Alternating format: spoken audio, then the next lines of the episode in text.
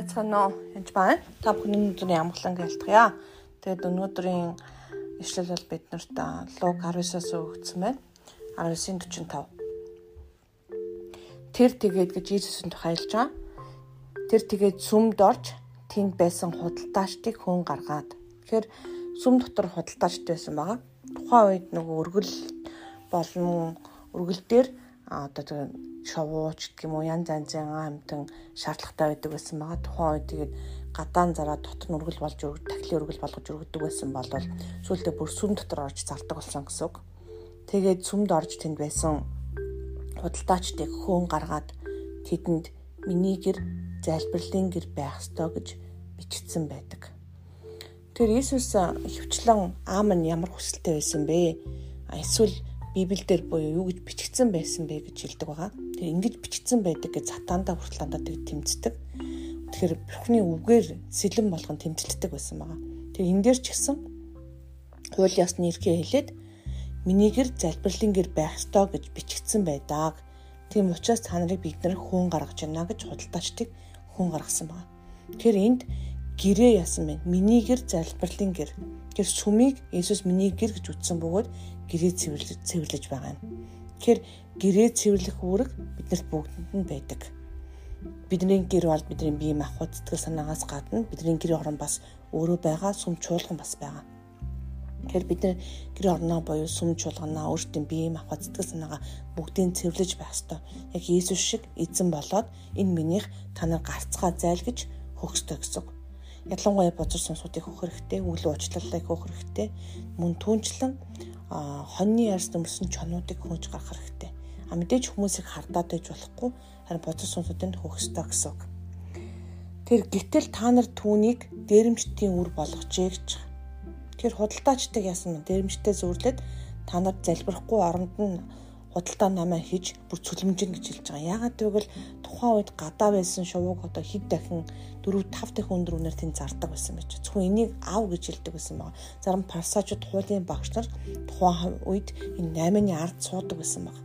Зөвхөн одоо тийм энэ миний хүмүүст энэ зарна зарахтаа өндөр үнэтэй зардаг байсан байгаа. Тэр хүмүүсийг бас шулж исэн гэсэн. Энэ утгаар нь тэдгээр хүмүүсийг дэрэмжтэй үр болгожээ гэж хэлсэн хэлж байгаа. Тэрээс биш зүгээр нэг өөрийнхөө үнээр хүртэл бас яасан байна. Зараагүй байсан байна. Тэгэхээр гэтэл та нар түүнийг дэрэмжтэй үр болгожээ гэв. Иесус өдөр бүр сүм сургаалаа заадаг байлаа. Тэг өдөр бүр. Тэгээ Иесус өдөр бүр сүм сургаалаа заадаг байсан. Харин ахлах тахилч нар, хуулийн багш нар болон олны ахлагч түүнийг хөнөөх арга зам хайж байв. Тэгэхээр энд бол байгаа тэр хүмүүсийг та нар дээрэмчтийн үр болгосон гэж хэлж байгаа нь эдгээр хүмүүсийг хэлж байгаа. Ахлах таашсан болон хуулийн багш нар яг бол энэ 8-ны ард байсан учраас хэлж байгаа. Тэгэхээр зүгээр нэг залбирлын өргөө болоод хүмүүсийг бас яасан байна. Ингэстөө тэгэж өстөө гэж хэлэхээс гадна хүмүүсийг шулж исэн учраас энэ бүхний ард энийг хэлж байгаа. Тэгэхээр учир шалтгааныг нь олохгүйгээр шүүж мэдээж болохгүй.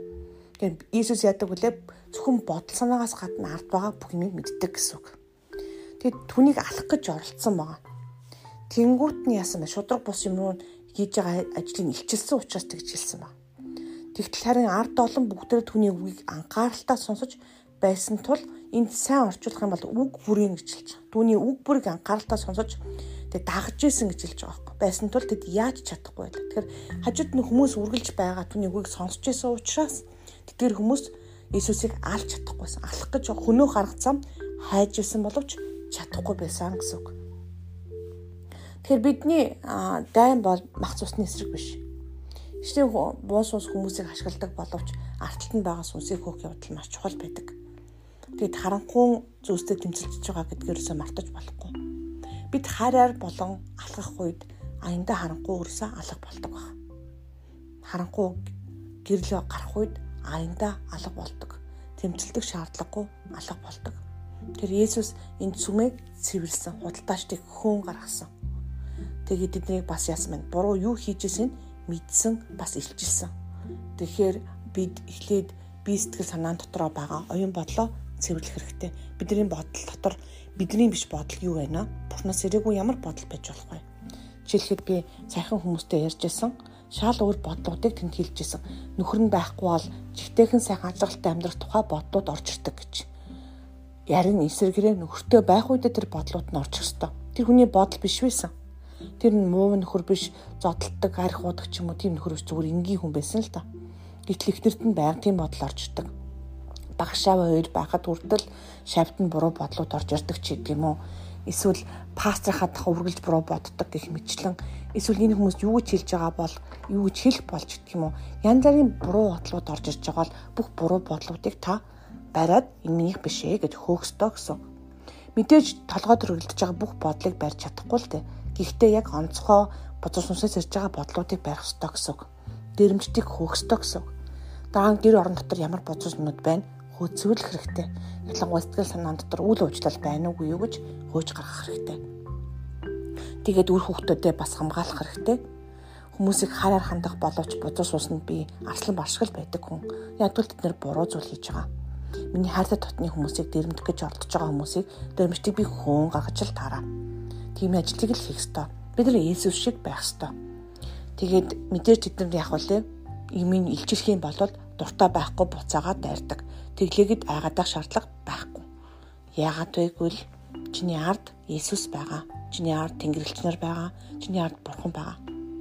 Бурхан сайн бурхан шүү. Үргэлж араат нь хамгаалж байх болно. Тэгээ та бүхэнд үнэхээр бурхантай хамт байгаараа. Дэмжтийг хүн гаргах түн гэрээсээ